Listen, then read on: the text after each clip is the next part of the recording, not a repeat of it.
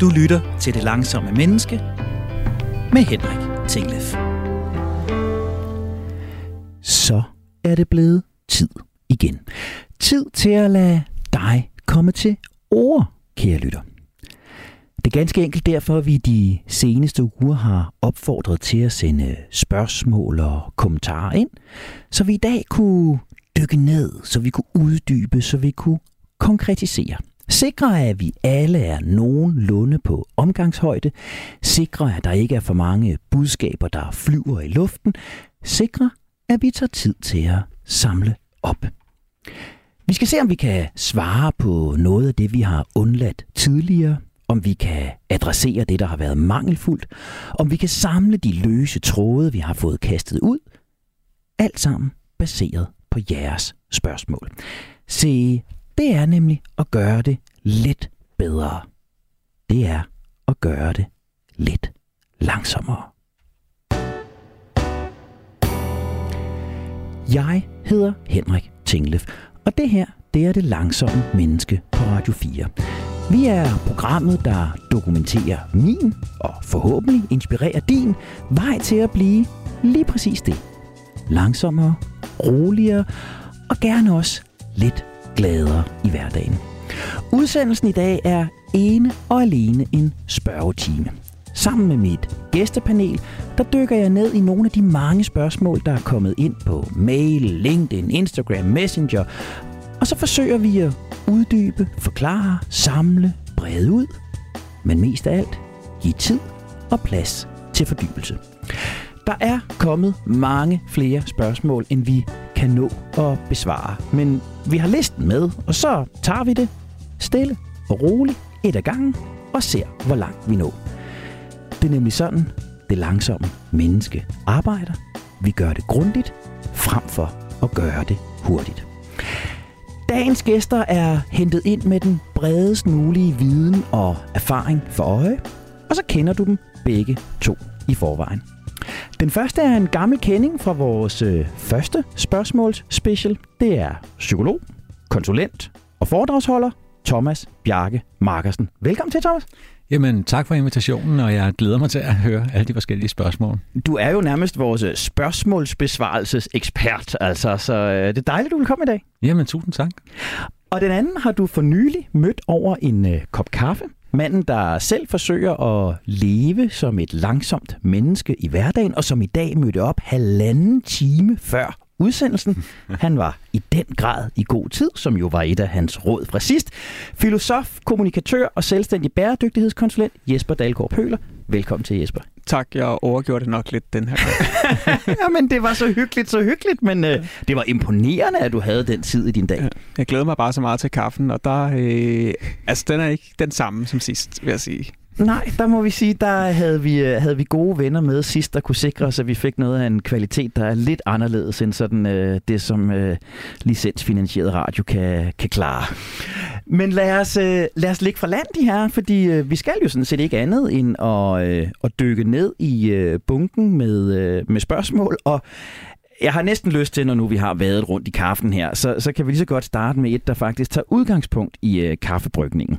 Det er lidt forkortet og skåret til og sådan noget, men det hører i al sin enkelhed. Jeg hørte med stor glæde og fornøjelse programmet om langsom kaffebrygning. Jeg elsker selv at bage og tænker, at de to ting må give noget af det samme. Nu ved jeg ikke, hvem der er i studiet til spørgeprogrammet. Det ved du nu, kære lytter. Men jeg vil gerne høre om andre gode, langsomme sysler, der kunne blive små åndehuller i hverdagen.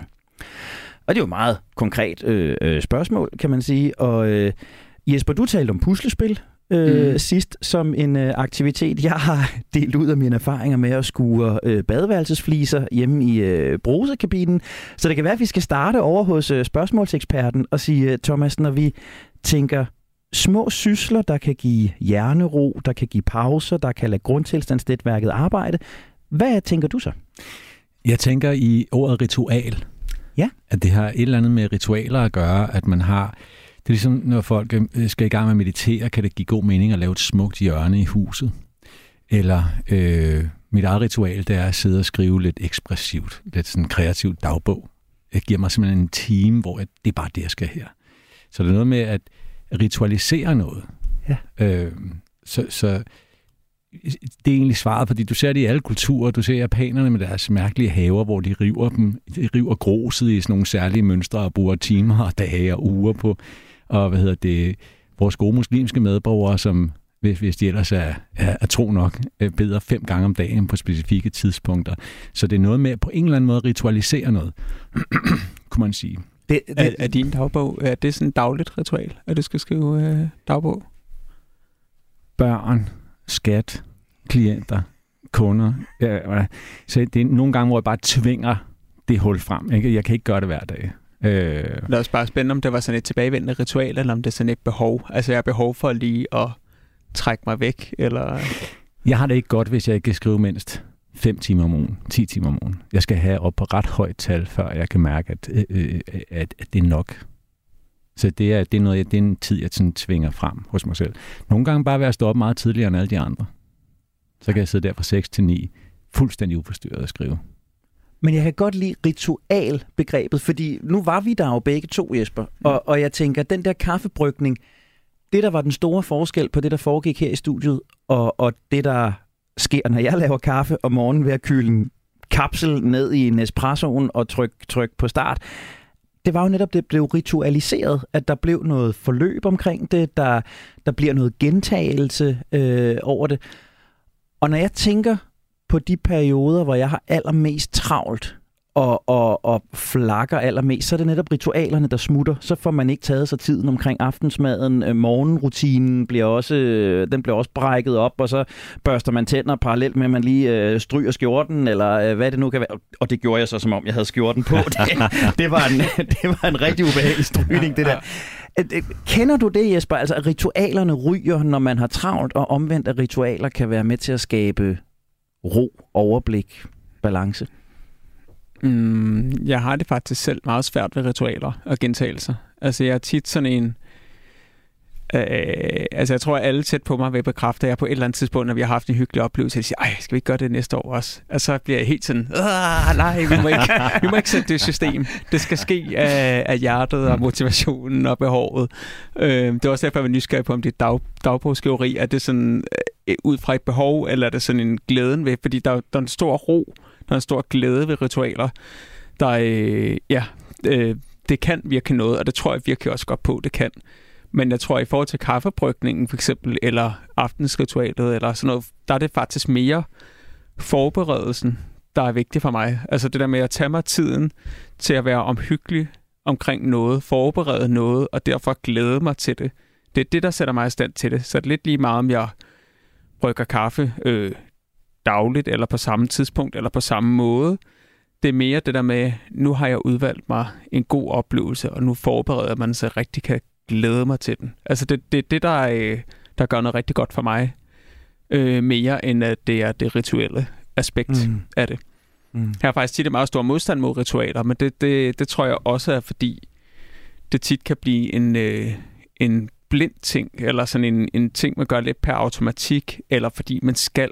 Altså også nu, nu nævnte du øh, før, Thomas, øh, øh, religion. Altså der er, jo, der er jo mange ritualer, der er noget, som du, du skal eller bør. Eller sådan. Det, det har jeg det meget øh, svært med. Så ja. Men uden at blive for filosofisk, og jeg tror, Thomas måske... Nej, du er selvfølgelig, du, du er filosof, Jesper, for pokker. Men, men, men, til at stille spørgsmål, ikke Ja, men det er rigtigt, det er rigtigt. Men, men jeg står og tænker, er, er vi ikke også ude i en diskussion her mellem rutiner og ritualer? Altså, hvor, hvor jeg hørte, det du har noget imod, er gentagelsen, den, den, den sådan øh, ureflekterende gentagelse af det, hvor det, jeg tænker, som er ritualet, om jeg brygger langsom kaffe hver dag, eller på hvert lige time, eller på ulige datoer. Det er sådan set underordnet, men det, at jeg har ligesom en proces omkring det, og der er nogle faste ting, jeg gør i det på en given måde, det vil for mig være det, der er ritualet. Det var også lidt det, jeg hørte hos dig, Thomas, nærmere, end det var tirsdag, torsdag og lørdag. Det er jeg enig i, ja. Og ja. Det, det er meget, jeg ved ikke, altså jeg tror også, jeg er for, for rigid i den retning, men det der med, hvis man ikke forholder sig til det, man gør, så det, det, sådan, det har jeg et eller andet imod, kan jeg mærke. Det kan jeg sagtens følge. Jeg tror, vi, nu skal vi ikke øh, råde os for meget ud i filosofi. Nej, det tror jeg heller Men jeg tror, vi har nogle, vi har nogle lidt øh, behov for det hellige, apropos Durkheim og så videre. Og så der er et eller andet med, at man helliggør noget. Ja. Så man fjerner alle mulige ting, der kan distrahere en, og så bruger man al sin energi på den der øh, grønne matcha-te, som man står og rører i. Det, det, det er sådan et, sådan et, man, man, man laver sådan et centrum for sig selv, hvor man skubber øh, alle mulige forvirrende ting væk. Ligesom når man er nede i fitnesscenteret og træner, så, så kører jeg rituelt en, en sådan en kold øh, eller andet øh, espresso drink ja. Ja. som en del af det. Og, du ved, så der, der er sådan nogle... Øh, jeg tror, at vi har sådan et behov for sådan nogle hel, en slags hellige pauser, uanset hvor artistiske vi er. Øhm, og der kan man lave hvad som helst. Pustespil, 100% sikkert. Ja. Ja, det, ja, det, ja så, for, altså for at svare på spørgsmålet og blive helt konkret, så kunne du, ja, så er baning super godt. Mm. Havearbejde, super godt. Jeg tænker faktisk også, at tandbørstningen kunne være sådan et sted, hvor man kunne tage sig et ophold. Fordi jeg går tit rundt lidt, som du siger, jeg stryger mig ikke på maven, men, men, øh, men jeg går rundt med en, en tandbørste i munden og lige ordner nogle andre ting og rydder op, og det er dårligt, fordi det bliver en dårlig tandbørstning. det bliver en dårlig oprydning, og tit så kommer jeg til at savle ned af min t-shirt, og så er der tandpaster på den.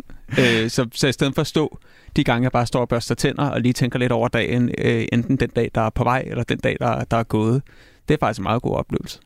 Og jeg tror i virkeligheden, at, at øh, for jeg talte med, med, med en om det forleden dag, som spurgte til, til de her programmer og alle de her mange ting, jeg havde, havde afprøvet efterhånden, og hvor jeg sagde, jeg tror faktisk, det, der har været den største læring, det er ikke, om det har været langsom spisning, eller det har været fokusøvelser, eller det har været åndedrætsøvelser, eller det har været, øh, hvad det nu har været. Det har været det, jeg er gået ud og har gjort en ting fuldt og helt, og med fuld opmærksomhed. Og, og, og, og det er jo virkelig også det, der har svaret her. Om det så er baning, eller strygning, eller polering af vinduer, det er vi 100% til stede i, og fjerner alt det andet fra. Det er der, vi finder roen.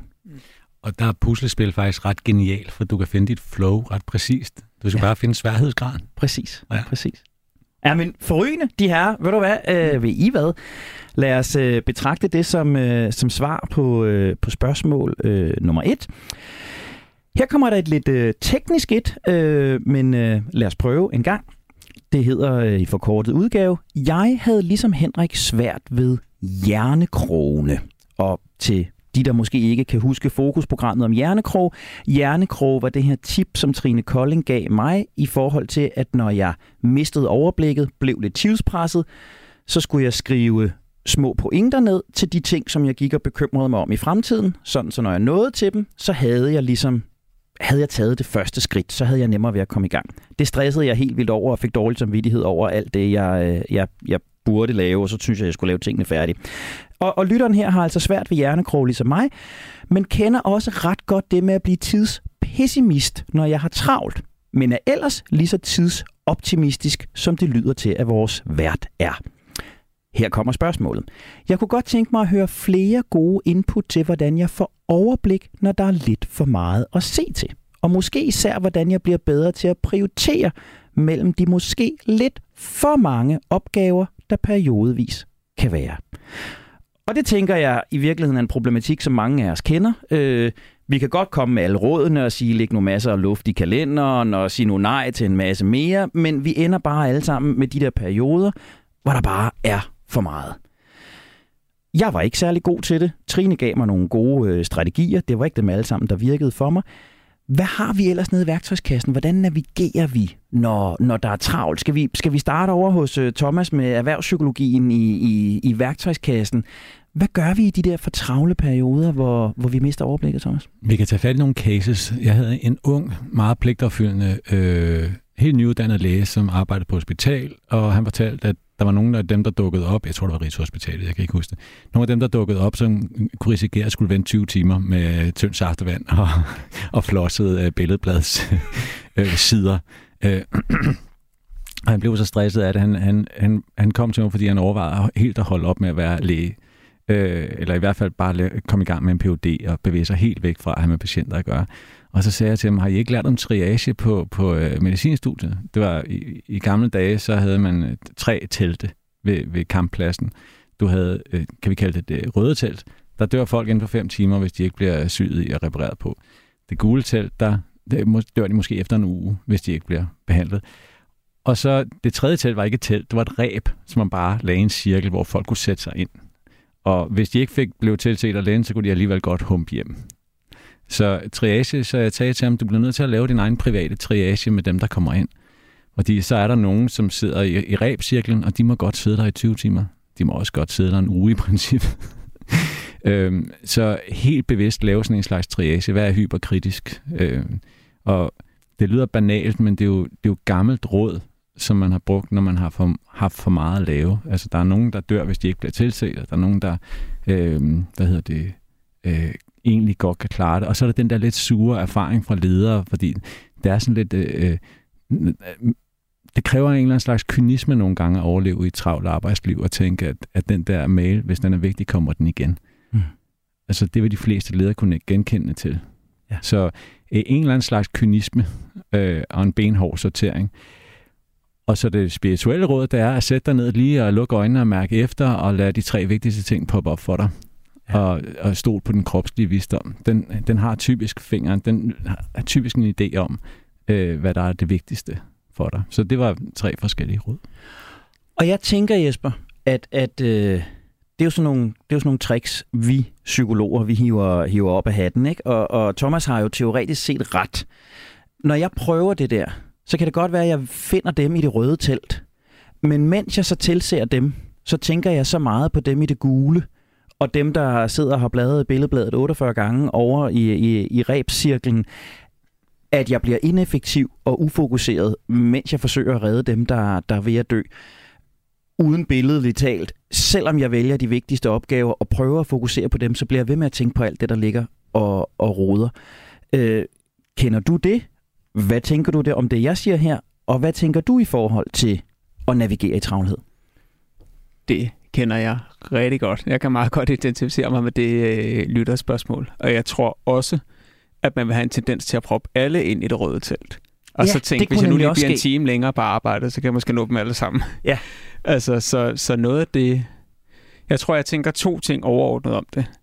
Det ene er det der med simpelthen at øh, let go. Altså faktisk nogle gange, når jeg har allermest af møderne, så er det der, hvor det lykkes bedst for mig at bare lige lade det være, eller stoppe op og lige trække vejret. Øhm, det kan være altså helt konkret, stop op, tag 10 dybe vejrtrækninger. Det tager virkelig lang tid, hvis du føler, at nu skal du altså i gang med et eller andet. Ja. Øhm, men det er også sådan en, der lige giver dig en ro på og bliver sådan lidt, når jeg, det kunne jeg godt nå. Øhm, Øh, men men, men øh, en anden ting, jeg tænkte på i det, er det her med fokus. At der har jeg lige læst øh, Rasmus Hårgaards nye bog. Nu nævnte jeg ham også sidst, jeg var i radioen. Jeg er meget glad for ham. Øh, han taler meget om, om compassion og mindfulness og sådan nogle gode egenskaber i, hvordan man netop kan være til stede med fuldt nærvær.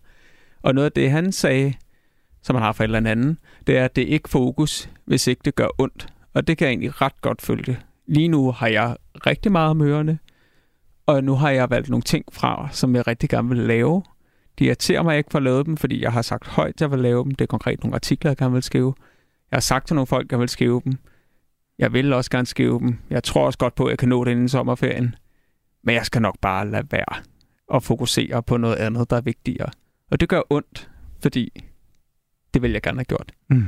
Og så er det et tegn på, at så er det måske faktisk fokus hvis jeg siger, nu fokuserer jeg på det her, og så fokuserer jeg på det her, og så tænker jeg lige, jeg fokuserer lige lidt på dem i det gule telt, men så ordner dem her, som jeg også fokuserer på i det røde telt. Så er det ikke fokus. Nej. Så er det bare mange tanker. Så det er okay, at det gør ondt, at de sidder over i det gule telt? Altså det, det, det er det, der er billedet, at, at vi faktisk nød, det er nødt til at gøre ondt. Ved, det er nødt til at smerte og så vælge noget fra, eller lade noget falde, ellers er vi ikke ordentligt fokuseret. Det, det synes jeg faktisk er en god oversættelse. Og så en sidste, et sidste trick, jeg har brugt øh, en gang, da jeg... Øh, følte mig meget stresset. Det var simpelthen, inden jeg skulle sove, at jeg tog alle de det tankemøl, jeg havde, og alle de ting, jeg gerne ville fikse, som man jo altid finder en genial løsning på, når man ligger og prøver at falde i søvn. Og så lagde jeg dem visuelt ned i en stor øh, kiste og skubbede ud på havet. Og så sagde jeg til mig selv, den kommer tilbage igen i morgen tidlig, når jeg vågner her på stranden, og så kan jeg bare åbne den og arbejde videre, for jeg kan ikke løse dem nu. Nu, nu gør jeg det allerbedst ved at få min 8 timers søvn. Og Sådan... det lykkedes faktisk efter noget, altså det tog nogle, nogle dage eller mere at få den øvelse ind, ikke? Jeg gør det tit med et visualiseret billede af producer Andreas, og så ned i en kasse, og så bare langt ud over havet, og så, ja. så ved jeg, så sover jeg godt. Ja. Øh, Thomas, hvad, hvad, nu driller jeg dig med det, det psykologråden, ikke? Men, men du må også møde den her. Jamen, det er jo alt sammen vigtigt. De sidder alt sammen i, i det røde telt. Eller, jeg kan godt sætte nogen over i det gule, men jeg, tæ- jeg bliver ved med at tænke på dem. Hvordan navigerer vi det der? Der er også noget personlighedsmæssigt på spil. Der sidder jo nogle gange folk i arbejdslivet og tænker, at de er 100% ansvarlige for, at hele Novo fungerer. Ja. Øh, så der skal man også lige kigge lidt på, at øh, man kan arbejde med det, der hedder ansvarscirklen, hvor man stiller et eller andet problemstilling op, som man synes, der er forfærdeligt, og så laver man en cirkel, og så skriver man ind alle de med tærte øh, skiver, alle, alle øh, de folk, der er, øh, ansvarlige, medansvarlige for den der situation. Så er der en direktør, så er der en leder, så er der nogle konsulenter, som blev fyret halvvejs igennem projektet, så alt sejler. Så er der, og så til sidst, der kigger man på, hvad er mit ansvar egentlig for, at det fungerer? Det er måske 5 procent. Ja. Jamen, så slap lidt af. Ja. Eller også siger man, hvor meget tjener du? Hvor meget tjener din chef? Altså, skal han ikke have lov til at bekymre sig lidt for de penge? Øh, så der er det personlighedsmæssige øh, ting på spil. Og så er der det eksistentielle, hvor du... Fordi man kan udvikle autoimmune sygdomme på grund af stress. Man kan blive skilt, man kan komme til at slå sine børn, man kan komme til at køre galt, man kan komme til at udvikle misbrugsproblemer. Der er simpelthen væld af problemer med at være for stresset. Øh, og jeg hjælper mange, som er topstressede. Og, og så kigger jeg i øjnene og siger, prøv at høre, du bliver nødt til at beslutte dig for, at det ikke skal gå ud over dit helbred. Ja. Uanset hvad, skal du ikke lade det gå ud over dit helbred. Og så er det lige meget, om det er kæmpe problemstillinger. Så, så bliver det sådan lidt klare i øjnene. Gud ja. Så det er, også, det, er ikke, det er også et valg at sige, det der, det skal ikke koste min nattesøvn. Det skal ikke koste mig mit helbred. Det skal ikke koste mig mit ægteskab. Så det er også, det er også et valg som lyder hårdt. Og det er vel egentlig i bæredygtighedstankegangen, ikke Jesper? Altså du, du tænker tit bæredygtighed i det bredeste forstand. Det er vel en bæredygtig tilgang til vores egne ressourcer? Ja, for bæredygtighed er også øh, mental trivsel, og det mange kalder væredygtighed, altså blive dygtig til at være med sig selv egentlig. Men også grund til at snakke meget om Rasmus Hågaard er også, fordi hans grundlæggende perspektiv er også det her med at behandle andre mennesker med compassion, det kunne et eller andet sted også oversættes til respekt eller menneskelighed. Altså, du kan godt øh, fyre en medarbejder, eller sige, at du ikke har tid, eller alle mulige andre hårde ting på en, på en meget medmenneskelig og omsorgsfuld måde. Men det kommer du helt sikkert ikke til at gøre, hvis du er stresset. Øhm, jeg kommer lige til at tænke på, på to korte eksempler fra, øh, øh, fra arbejdslivet og privatlivet. Og fra arbejdslivet, øh, der øh, altså nogle gange har man jo for mange ting, man skal fokusere på. Og det har jeg prøvet flere gange. Og der har jeg simpelthen lavet en liste og gå til min chef. Og det er egentlig, tænker jeg faktisk meget godt råd i den her sammenhæng, at, at få, få nogle andre til at hjælpe med at prioritere for dig. Øhm, fordi nogle gange kan man ikke overskue, hvad der er vigtigst, og nogle gange er der nogle andre, der skal sige, så kan du ikke lave det her projekt. Lige meget om du kunne lide det, eller nogle andre siger det. Og også i privatlivet har jeg gjort det samme. Lavet et schema over alle de ting, jeg lavede, og været sådan lidt, øh, ja, hej mor, øh, hvad, hvad skal jeg vælge fra? Jeg har de her tanker om det. Altså, så det der med at få det ud i sådan noget, noget tredje, altså lidt i en armslængde, og så få nogle andre til at hjælpe dig med at kigge på det, det, det gør det også lidt mere ufarligt. Ja, du får også isoleret følelserne fra det, ikke? Du får for en, der har et, et, et mere objektivt, et mere pragmatisk blik på det, og ikke kan mærke det, der, der rumler øh, nede i din mave. Ja, for man er jo bange for at svigte nogle andre. Altså ligesom de her artikler, jeg føler, at jeg har lovet nogle andre det. Men de er altså ligeglade. Præcis. Ja, men jeg tænker, at, at hvis vi skal opsamle til, til, til lytteren her og sige, så, så er der, der er det gode klassiske råd. Ikke? Der er, øh, øh, hvad haster rigtig, rigtig, rigtig, rigtig meget? Hvad haster, og hvad kan måske i virkeligheden godt vente? Så tænker jeg pointen omkring ansvaret er vigtigere end som så, at vi er rigtig mange, der påtager os en alt for stor del af ansvaret øh, for noget, og derfor også bliver villige til at, øh, at gå øh, rigtig, rigtig langt i forhold til at, at lande tingene. Og så det her med i virkeligheden at få noget hjælp udefra, altså få, få, andre, øh, få andre øjne på det, få isoleret følelserne fra det, sådan at vi, vi, det ikke bliver maven, der afgør det, men det i højere grad bliver, bliver rationaliteten. Er der andre prioriteringsråd, vi skal give, øh, give lytteren med på vejen? Er der andet i, i opsummeringen her? Men jeg synes, det er en rigtig vigtig pointe, fordi jeg hører fra mange ledere, at de godt kunne tænke sig, at medarbejderne kom og spurgte til, hvordan prioriterer vi det her. Så der kommer til at være lidt for mange, der sidder som sådan nogle satellitter hvor lederen i virkeligheden gerne vil, vil bidrage til at fjerne opgaver osv. Øh, ja, så det vil jeg sige, det er måske et af de bedste råd. Det er rolleklarhed i arbejdslivet. Du lytter til Det Langsomme Menneske på Radio 4. Jeg er Henrik Tinglef, og sammen med psykolog Thomas Bjarke Markersen og bæredygtighedskonsulent Jesper Dalgaard Pøler, der kaster jeg mig lige nu rundt mellem alle de spørgsmål, der er kommet ind fra jer lyttere. Og øh, hvis vi fortsætter i det langsomlige tempo, vi har været i, så når vi måske et enkelt eller to mere, men igen, det er kvalitet frem for kvantitet. Der er et spørgsmål her, som, øh, som jeg faktisk synes er, øh, er, er, er ret interessant, og som jeg selv har svært ved at svare øh, ret godt på, så jeg håber, at de her i studiet er klar med gode vinkler. Det lyder som følger. Hjemme hos os ser vi hver søndag frem til nye, langsomme vinkler. Det er jo dejligt. Og både min kone og jeg og vores store børn forsøger at efterleve mange af principperne i forhold til vores arbejde og skole. Men I har slet ikke talt om familielivet endnu. Hvad kan langsomlighed i en familie? Hvordan vil det se ud? Hvor er det, vi skal sætte ind? Det vil jeg være spændt på at høre mere om. Og det har vedkommende fuldstændig ret i. Vi har talt rigtig meget om individer, vi har talt rigtig meget om arbejde, vi har talt meget lidt familie. Så fuldstændig skud fra hoften. Jesper, du træffer mange valg i forhold til din familie og bæredygtighed og så videre. Tænker I langsomlighed ind i familielivet, og hvordan ser det ud hos jer? Det er et sindssygt godt spørgsmål, og vi, øh, vi tænker i hvert fald øh, nærvær og samvær ind i det. Og aktuelt har vi begge to øh, meget travlt, øh, og vi laver også en del ting sammen, mig og min kone, så der er mange gange, hvor vi så må få passet, fordi vi begge to er til det samme møde om aftenen eller et eller andet. Og der taler vi om, at det er ikke så fedt. Altså, og det glider, men tit så har vi den der, hvor det bliver ren logistik. Øh, når man så henter hun, og så er hun sammen med børnene og går i gang med at lave mad, og så kommer jeg hjem, så spiser vi alle sammen sammen, så skifter vi lige til at putte, så har vi noget øh, kvalitetstid sammen om aftenen, og så næste dag er det omvendt. Og der har vi talt om, at vi vil gerne altså, have flere dage, hvor vi bare henter sammen, selvom det ikke er nødvendigt, men fordi det er rigtig fedt, så stopper vi måske ind forbi øh, øh, hvad hedder det, ismejeriet på vej hjem, eller nogle gange gør jeg det, at jeg helt konkret, jeg har små børn på 1 og 4 år, øh, så tager jeg øh, Livs løbehjul med, og så når jeg henter hende, så kan hun løbe på løbehjul hjem. Og det gør bare, altså det, det tager lang tid. og det er en måde at tvinge sig selv til det på, selvom hun er blevet rigtig hurtig på det. Men altså, ja. øhm, så det, det kan være, øh, det er faktisk en meget konkret måde at gøre det på. Øhm, men også det der med at bare tage sig tid, sige, ja, jeg kunne godt lige støvsuge eller rydde op nu, men nu sætter man lige herover og læser en bog eller et eller andet. Det er så, jo en af mine ja. kongstanker. Det er jo en af mine kongstanker. Der er altid mænd. Der er altid opvask. Der er altid planter, der hænger med bladene. Og hvis det er dem, vi prioriterer først, så fejler vi i forhold til nærværet og, og samværet. Det vil altid og, være Og jeg synes faktisk, at mine små børn tvinger mig til at være mere langsom, og det sætter jeg ret stor pris på.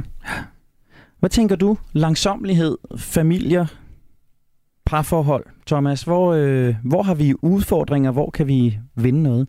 Jeg tænker, at der er en, at der er en god talemåde, øh, jeg kommer i tanke om, da Jesper øh, siger det her, og det er, at øh, voksne taler hurtigt, og børn lytter, lytter langsomt. Ja. Den er meget sjov at tænke over, fordi, hov, gud ja, så skal jeg måske lige sætte tempoet lidt ned, når jeg prøver at forklare noget. Øh, langsomlighed kan også, du kan lave det ved at læse højt. Jeg, jeg har været igennem alle de fem. Altså, jeg har børn på 14 og 18 plus bonusbørn. Øh, jeg tror, jeg har læst dem alle sammen, måske et par gange. Og når jeg læser højt, så læser jeg langsomt. Ja. Og børnene er helt med på, at der bliver læst langsomt.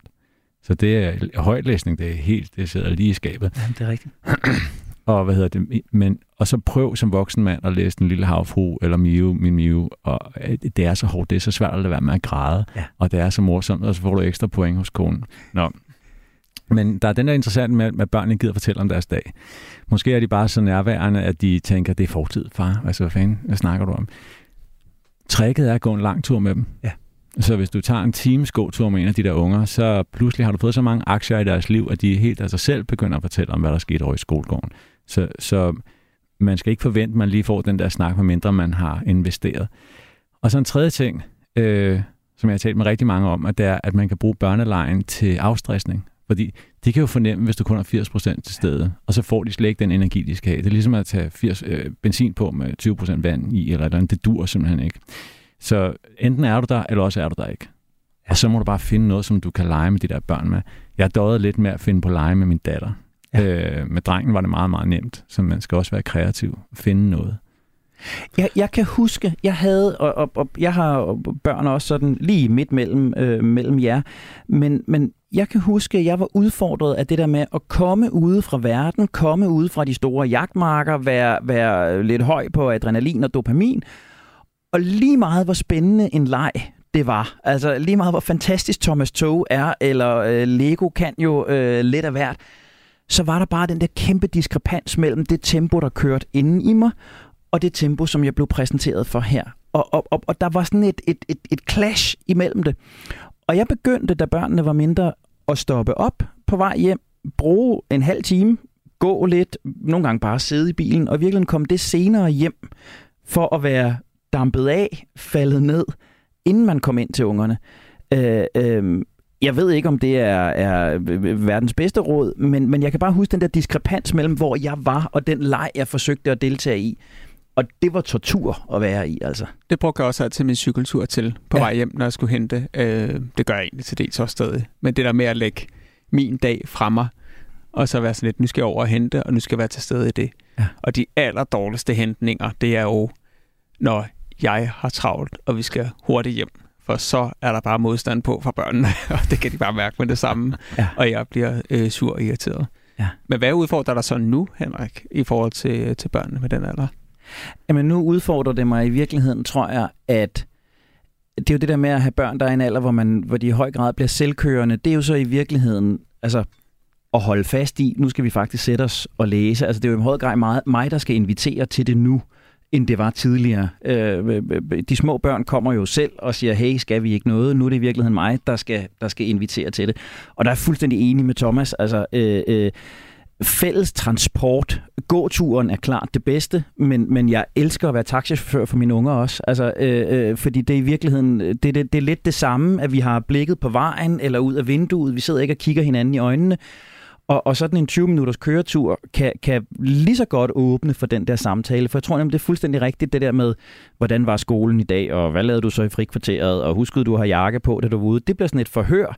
Men den der løse samtale i transport, helst på gåben, men jeg elsker at køre min datter til dans og sidde og, og snakke om alt og intet og, og forvente dagens øh, genvordigheder. Det, jeg synes også, det var virkelig klogt sagt, det der med, øhm, øh, at, at børn lytter langsomt. Og, øh, og jeg kan mærke, når min, min ældste vil fortælle om noget, så skal hun ligesom rundt om sætningen ret mange gange, før hun får sagt det, hun egentlig vil. Og nogle gange bliver hun distraheret undervejs. Nogle gange har hun ikke rigtig fundet på, hvad hun egentlig vil fortælle. og så kører det bare lidt i loop. Og det kræver ret meget tålmodighed. Hvor jeg til en voksen vil sige sådan, altså, hallo, hvad vil du sige? Ja. Men det er en ret fed øvelse på daglig basis, flere gange dagligt, at vente på, hun siger det. Ja. Øh, og jeg har egentlig også læst det sted, at, at der er større risiko for, at de kan begynde at stamme, hvis man sådan ikke hjælper dem på vej og har tålmodighed med at lade dem sige det, de vil sige. Altså, så, så jeg har også sådan en... Jeg har flere opmærksomheder på det, men, men i forhold til langsomlighed, så er det bare en god øvelse at vente på, at hun bliver færdig med at sige det, hun gerne vil. Der er faktisk et helt konkret råd, øh, som jeg tænker er rigtig vigtigt, og vi har lavet det i, i min familie i en, måske 4-5 år, i perioder af måneder og gange, uger og gange hvor når man sidder ved bordet, og nogle gange sidder vi seks mand ved bordet, øh, fire børn, så skal alle skiftes til at fortælle tre fede ting fra dagen. Ja. Tre ting, de har værdsat. Og man må ikke, tale, man må ikke snakke, når de andre fortæller. Øh, og nogle gange går det op i hat og briller, men for det meste virker det. Og når jeg hentede flere børn på en gang, nu er det noget tid tilbage, så må de ikke få deres iPad eller telefon, før de havde fortalt tre gode ting fra dagen. Simpelthen. De må også gerne fortælle en dårlig, fair nok, så længe der er tre gode ting. Så det er også en måde, man får lidt stillhed og lidt øh, værdsættelse og taknemmelighed øh, placeret i, i rummet. Ja. Øh, så det, den øvelse vil jeg til hver en tid anbefale. Ja. Og jeg tænker at du bringer et super vigtigt parameter på, på banen, ikke? hvor du siger iPad og telefon og skærme og alt det der. Vores største konkurrent i opmærksomhedskampen med vores børn, det er jo det antal af skærme og gadgets, som de er udstyret med. Altså, øh, min 11-årige kan jo forsvinde direkte ind i hulen og, og være på tre forskellige skærme, fra han kommer hjem til han går i seng, hvis ikke jeg bryder ind. Og han har det fint. Altså, det har han virkelig, og han er jo sammen med sine venner, for de spiller jo online og alt muligt andet. Så, så, så, så vi har jo et eller andet sted en kamp med de der skærme der, hvis vi skal Og det have... kan du vel også, ikke? Altså, jo, jo, jeg kan i princippet også, ja, ja, jeg kan også forsvinde altså. ind i mine skærme og, og have det fint, og så kan vi sidde der i hver vores rum og, og have det fint sammen. Ikke? Men, men, men det er jo en kamp, vi et eller andet sted er nødt til at tage. Så, så små regler om, hvornår det er, vi gør det, og hvornår vi ikke gør det, tror jeg i virkeligheden i rigtig mange hjem er det sted, vi skal starte. Og en, en forkromet enighed mellem mor og far, om de er skilt eller ej. Ja. Forkromet enighed. Ja. Ikke en revne i den mur. De skal være 100% enige, og så skal de vinde de kampe. Der behøver ikke være særlig mange kampe. Måske tre, men bare være totalt. Man skal ikke diskutere det, mens børnene hører det. De ser det som en glimrende mulighed for at forhandle mere tid. Ja. Så mor og far skal være totalt enige. Der, er ikke, der skal være ingen slinger i valsen. Lad det være øh, udgangsordene. Det synes jeg er et, øh, et vigtigt sted at være. Et spørgsmål, som, øh, som jeg synes er interessant, øh, det lyder som følger. Mit spørgsmål er sådan set meget kort, og måske lidt ment som en provokation. I hvert fald en opfordring til at se ud over det normale tema. Er der slet ikke nogen ulemper ved langsommelighed? Er målet virkelig bare at gøre alting langsommere? Er der ikke nogen gange, hvor det hurtige er det bedste? Og det er jo i den grad et vigtigt øh, spørgsmål at, øh, at, at adressere i et øh, program som, øh, som dette. Jesper, hvad tænker du umiddelbart, når vi siger, er der ikke nogen ulemper ved langsomlighed? Jo, og jo, nogle gange er det hurtigt det bedste. Det Godt, oplagte og vi går svar. videre til ja, tak for det. Det oplagte svar er selvfølgelig øh, øh, øh, sport og konkurrencer og så videre, hvor det gælder om at være hurtig. Øh, det kunne også være akutte øh, øh, forhold, altså et eller andet, der har fået noget galt i halsen, eller noget, der er sket, eller et eller andet. Kunne også godt sagtens være ledelsesmæssigt, at nogle gange skal der også træffes en hurtig beslutning, selvom det er godt at sove på det osv., så, videre, så er der andre situationer, hvor der måske egentlig bare skal et hurtigt svar til at, at skubbe på processen. Der er masser af situationer, der er også mange situationer, hvor at tingene tager meget længere tid, fordi man gerne vil gøre det langsomt, uden at det nødvendigvis giver mere værdi. Jeg håber ikke, det sker i den her spørgesession, men det er, at vi har god tid til at svare på spørgsmålet, Kørst, men lige tænker nogle flere, og jeg kunne da jo også godt sige det her og det her og det her, uden at det måske bidrager med særlig meget mere. Første spørgsmål var sådan, øh, ja, øh, kaffebrygning og baning, er der andre gode tips? Og så rører vi ud i et eller andet sådan, ja. Nå, men i øvrigt øh, kunne man da også være til stede i livet på den her måde. Altså, man kunne også bare have delt nogle hurtige tips. Om altså en af vores tidligere gæster, Dennis Nørmark, vil jo fortælle os om Parkinsons lov, ikke? at tid tager den tid, tid, eller ting tager den tid, de får. Så mm. afsætter vi en time, så tager den aktivitet en time. Afsætter vi tre, så tager den tre. Øh, og, og de her spørgsmål, det er jo fuldstændig ret, dem kunne vi jo svare på på tre minutter øh, hver især, men vi kan også bruge 50 minutter på det. Og møder er jo det bedste eksempel på det. Altså sætte en time af til et møde, øh, så tager det en time, så en halv time af, så tager det en halv time, og I når det samme. Ikke? Ja. Så, ja. Og jeg tænker, at det, det jeg jo tit forsøger at, at formulere i programmet her, det er, at vi vores mål er jo ikke langsomlighed for langsomlighedens skyld. Vores mål er langsomlighed for kvalitetens skyld, for livskvaliteten, for beslutningskvaliteten, for samarbejdskvaliteten. Og hvis ikke det er det, vi opnår ved langsomlighed, så er det jo ikke langsomlighed, vi skal stile efter. Hvad, hvad tænker du, Thomas, når, når vi siger, øh, er der ikke nogen gange, hvor det hurtige er det bedste? Jeg har eksperimenteret med, hvordan jeg selv arbejder med klienter, og øh, øh, jeg har de sidste par år ikke haft pauser imellem. Nej, det kan jeg huske, du har fortalt. Fordi ja. jeg ved, at hvis jeg tager en pause på et kvarter eller en halv time, så kommer jeg så meget ned i gear, at det er som at starte forfra. Øh, så man kan sige, det, der arbejder jeg hurtigt, og jeg bliver i det flow og den øh, hyperkoncentration, jeg er i. Øh, og klienterne siger, kan du virkelig det? Øh, de, de, vil du ikke have en pause, Thomas? Og det er jo enormt sødt af dem at spørge. Men så der, der virker hurtighed godt for mig. Så tænker jeg også, at... Men så gør du også ja. noget andet, tænker jeg er vigtigt. Mm. Fordi som jeg husker det, så gør du ikke det der fem dage om ugen. Jeg har koncentreret det til to dage om ugen, og det glider lidt op på to og en halv dag lige nu. Måske helt op til tre i efteråret, fordi jeg lige købt sommerhus. øhm, men der er, en, der er en meget vigtig pointe, der at, at øh, øh, man skal jo være opgavefokuseret. Og øh, hvis, hvis man tager for meget tid om noget, kan man godt gå hen og blive formfokuseret, altså perfektionistisk. Øh, og øh, den tid, du har brugt på at rette det der komma, er måske ikke særlig meget værd, når alt kommer til alt. Så perfektionismen er en dræber. Øh, man skal være opgavefokuseret, og der er enormt stor glæde i travlhed også.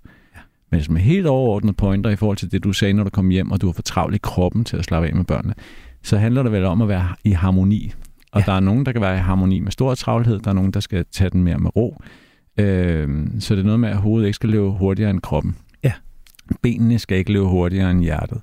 Øh, man skal på en eller anden måde have en eller anden harmoni mellem de øh, tre lag hjerner. Øh, ja. At man skal være til stede. Og der er nogen, der kan være til stede med utrolig travlhed 12 timer om dagen. Og det er jo fint for dem, hvis de kan det. Ja.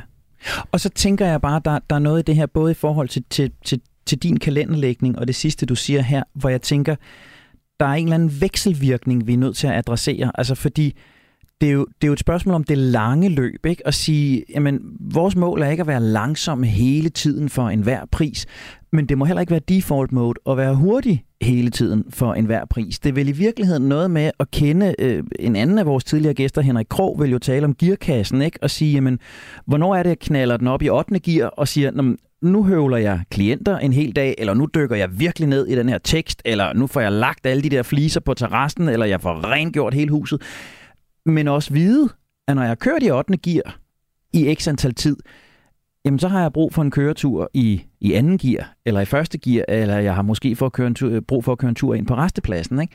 Jeg har nogle gange tidligere, med, med, da jeg havde klienter i sin tid, talt om, om kassekredittænkning, og sige, jamen altså, trækker jeg på kassekreditten nu, eller sætter jeg ind på kassekreditten? Og vi kan jo godt hæve 100.000 på kassekreditten og, og bygge til på sommerhuset, hvis det er det, der skal til. Men vi kan ikke blive ved med at gøre det. Når vi har brugt de der 100.000, så skal der betales tilbage. Så, så jeg tænker i virkeligheden, det handler ikke om, om det er langsomlighed eller det er hastighed, der er det rigtige. Det er vekselvirkningen og bevidstheden om, hvornår vi vælger 8. gear, 4. gear og 1. gear. Hvad tænker I om det? Jeg er meget øh, enig. Øhm, og øh, Ja, altså jeg kan huske, at jeg sagde også sidst, der var herinde, der sagde det der med, at nogle gange så løser jeg nogle ting dårligere, fordi jeg løser dem hurtigt. Øh, og i går, der var vi i, på vej hjem fra en af de her ting, vi havde været til mig og min kone. Og altså, hun løb ud til bilen og kørte hurtigt hjem, fordi vi skulle hjem og ligesom overtage børnene, som om var passet. Og det var sådan en, hvor jeg kunne mærke, at det, det kommer ikke til at gå hurtigere. Altså, Nej. vi sparer maks tre minutter, og vi talte lidt om det. Øhm, fordi det er sådan en, altså det var fordi, man har dårlig samvittighed over, at vi kom lidt senere hjem, end vi egentlig havde sagt, og vi har lidt stress på over det, så hvor kan vi ligesom optimere? Og der tror jeg, det kan hjælpe enormt meget, hvis man kan hæve sig lidt op og sige, okay, optimerer vi på den her proces samlet set? Hun har givet en tommel op på Messenger. Det var fint, vi kom senere hjem. Vi har advaret om, vi kom senere hjem. Vores børn er ligeglade med, om vi var der øh, ja, 1900 eller 1903. Præcis. Øh, men det er enormt stressende at løbe ud til bilen og, og Øh, altså hun kørte så øh, ganske forsvarligt. Men, øh, men altså, ja. Jeg tror, øh, øh, det handler om at have sig selv med i det, man laver. Ja. Og det er bare så abstrakt, at den enkelte må kæmpe med at prøve at forstå, hvad det er for ham eller hende. Ja. Men vi ved, at øh, hvis man ikke har sig selv med i det, man laver, så bliver man stresset. Øh, fordi så tænker man over alt det, man har gjort, der måske var forkert, eller alt det, der måske vil kunne gå forkert. Men man kommer ud i tidsmaskinen, øh, øh, skammer sig eller frygter noget. Og øh, så det er et spørgsmål om at have sig selv med i det, man laver, så man kan have det godt hver dag. Uanset hvor mange opgaver der er. Man skal kunne have det godt. Og, og det er i høj grad forbundet med tempo, og hvordan man arbejder. Jeg tænker, og, ja. Og med sin sidste ting, der bare, nu talte jeg med producer Andreas uh, lige inden uh, udsendelsen. Han er ellers pakket ned i en kasse og sendt ud på ja, ja, ja. Jeg fandt nøglen. Og uh, han, der talte vi om det her med uh, at klippe pod, uh, eller radioudsendelsen lige efter udsendelsen er slut. Altså for det gjort med det samme, og det er jo også et eller andet hastighedsting. Det er ikke, fordi man klipper det hverken hurtigere eller langsommere, eller dårligere eller bedre, men det, at du får det gjort med det samme, gør opgaven meget mere overkommelig og meget nemmere. Det skal man selvfølgelig passe på med at overgøre, for det skal gøre det med alting. Men når den så får lov at ligge og vente, så bliver det også bare en større og større opgave. Det bliver tungere at tage sig sammen til, lidt ligesom det, du beskriver, Thomas, med, altså hvis man lige giver sig rigtig god tid inden næste samtale, så er den tung at trække sig op til, ikke? Øhm, så nogle gange handler det også om at få tingene gjort med det samme. Altså, da jeg studerede, så lavede jeg jo deadlines tre måneder før afleveringer. Du Skrev er... dem ind i kalenderen. Thomas, du skal have en flidsmedalje. Jamen, det var bare struktur jo. Jamen, det var struktur. Og, jeg, og, og jeg, jeg står og har lyst til at læse op af det næste spørgsmål her, fordi at, at det kan være, det er langt hen ad vejen, at det vi allerede har svaret på, det er jo så det, I kan tage, stillinger til, eller tage stilling til. Øhm, den hedder, jeg er meget inspireret af jeres udsendelse, tusind tak skal du have. Jeg går meget op. Min karriere er meget målbevidst og vil gerne præstere optimalt. Gerne altid. Hvis nu du skulle opsummere de vigtigste parametre for high performance og langsomlighed, hvad er de så? Hvad er det vigtigste råd fra det langsomme menneske, hvis man vil præstere bedst muligt. Og et eller andet sted er det jo det, vi har været inde på her med balancen mellem hastighed og, og, og langsomlighed øh, øh, og Thomas' struktur. Øh, så det kan være en del af svaret ligger i det, vi allerede har sagt. Men, men ellers, Thomas, high performance og langsomlighed, en ambitiøs, øh, jeg ved ikke om det er en mand eller kvinde, et ambitiøst menneske her, som øh, øh, gerne vil præstere optimalt, og som også gerne vil tænke langsomlighed. Hvad tænker du? Øh, jeg tænker, det er et sjovt paradoks. øh, men et, et, et, grundreglen er, at hvis du gerne vil være high performer, så skal du også træne, styrketræne og løbe øh, pænt meget for at... Øh, hvad end forklaringen er. Så alle de high performer, jeg arbejder med, de træner meget. Mm. Og når de ikke træner, så får de det dårligt. Så det er et eller andet med, på en eller anden måde, så kan hovedet ikke tåle kun er travlt. Kroppen skal på en eller anden måde også kunne matche det, og det matcher du på løbeturen eller styrketræningen, og så er der væksthormoner, whatever. Så det skal du i hvert fald gøre så skal du også spise rigtig godt, og så skal du få din øh, timers søvn. Så hvis du vil være sådan en vedløbshest, så skal du passe på fysikken, som, som er måske det allervigtigste. Og så skal du heller ikke være naiv, øh, fordi folk, der er meget idealistiske og high performers og nyuddannede osv., de kommer til at lave alt muligt arbejde, de måske ikke burde lave.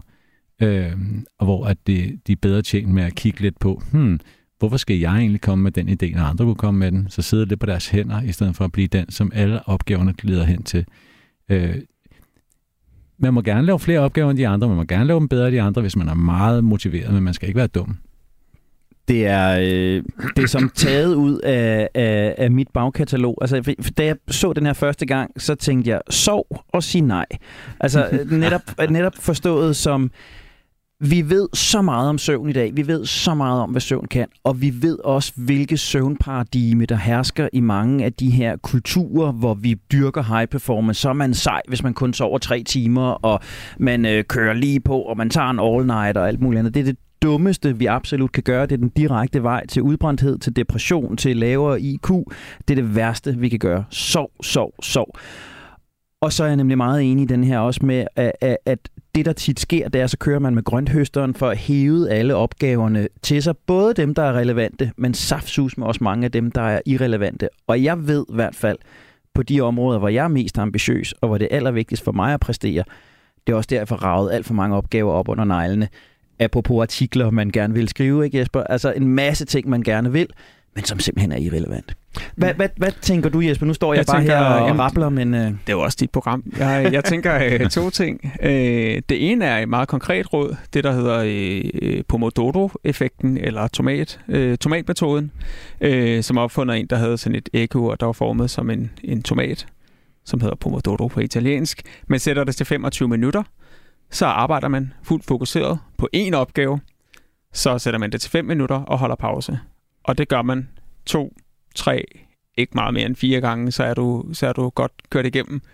Øhm, og det gør jeg tit derhjemme, fordi så kan jeg arbejde fokuseret. Jeg ved også, at det ikke er for lang tid, så jeg ved også, at jeg ikke bliver altså fortaber mig i opgaven, så det bliver ikke sådan noget, hvor jeg lige pludselig sidder og så har siddet tre timer dybt begravet i et eller andet foran skærm, og det var egentlig ikke det vigtige. Så bruger jeg de fem minutter på træning, altså som Thomas siger, så kan jeg tage en, øh, en, nogle armbøjninger eller, eller andet i den stil. Øh, fordi det giver meget mere energi til hovedet. Den anden ting er, øh, at jeg tænker straks high performance teams på, øh, på arbejdspladsen. Og noget af det, der kendetegner high performance teams, altså teams, der klarer det rigtig godt sammen, det er blandt andet psykologisk tryghed. Altså man har det godt med hinanden, man føler sig fri til at sige, hvad man vil. Og det kræver altså langsomlighed, det kræver, at man tager sig tid til samtaler, man ser det enkelte menneske, man tager sig tid til at høre, hvordan hinanden har det. Ja. Så det hænger tæt sammen. Så der er et eller andet i det her med, at det kan godt være, at du vil præstere, men du er nødt til at have dit ringhjørne med dig, du er nødt til at have dit team med dig, du er nødt til at have folk omkring dig. Og prøv her, kære venner, altså tiden farer og flyver afsted i øh, godt selskab. Øh, vi er ved at være der, hvor vi øh, stille og roligt skal lukke ned for programmet. Det var ikke alle spørgsmål, vi nåede, men dem vi nåede, dem kom vi godt og øh, grundigt omkring. Og jeg kunne have lyst til at spørge jer om tusind ting mere, men der er ikke så meget andet at gøre, end at sige Tusind tak til vores øh, faste spørgsmålsekspert. Og Thomas, det kan jo være, at vi om 20-25 programmer svarer spørgsmål igen, og så kan ja, det være, at du fint. dukker op igen. Mm. Men psykolog Thomas Bjarke Markersen, tusind, tusind tak for konkrete input og råd. Bæredygtighedskonsulent Jesper Dalgaard Pøler, tak fordi du kom som det langsomme menneske fra den virkelige verden og bidrog med input og idéer. Tak fordi du også vil være med i dag. Og det, øh, det bliver altså ordene herfra i dag. Der er ikke flere, hverken flere spørgsmål eller flere svar. Om det er Parkinson-effekten, eller det er bare sådan, det er, det skal jeg ikke kunne sige, men det blev til det, det blev. Husk, at du altid kan lytte og genlytte alle udgaver af Det Langsomme Menneske i Radio 4-appen, som du finder i App Store eller hos Google Play. Du kan også lytte alle de andre gode Radio 4-programmer samme sted. Har du input, kommentarer eller interessante vinkler på langsomlighed, som vi skal kigge nærmere på i efteråret, jamen så kan du skrive direkte til redaktionen på langsom radio4.dk. Du skal have tusind tak, fordi du endnu en gang har investeret både din tid og din opmærksomhed i os. Jeg hedder Henrik Tinglef, og med de her opsamlinger på plads, jamen så fortsætter jeg nysgerrigt rejsen mod at blive det langsomme menneske.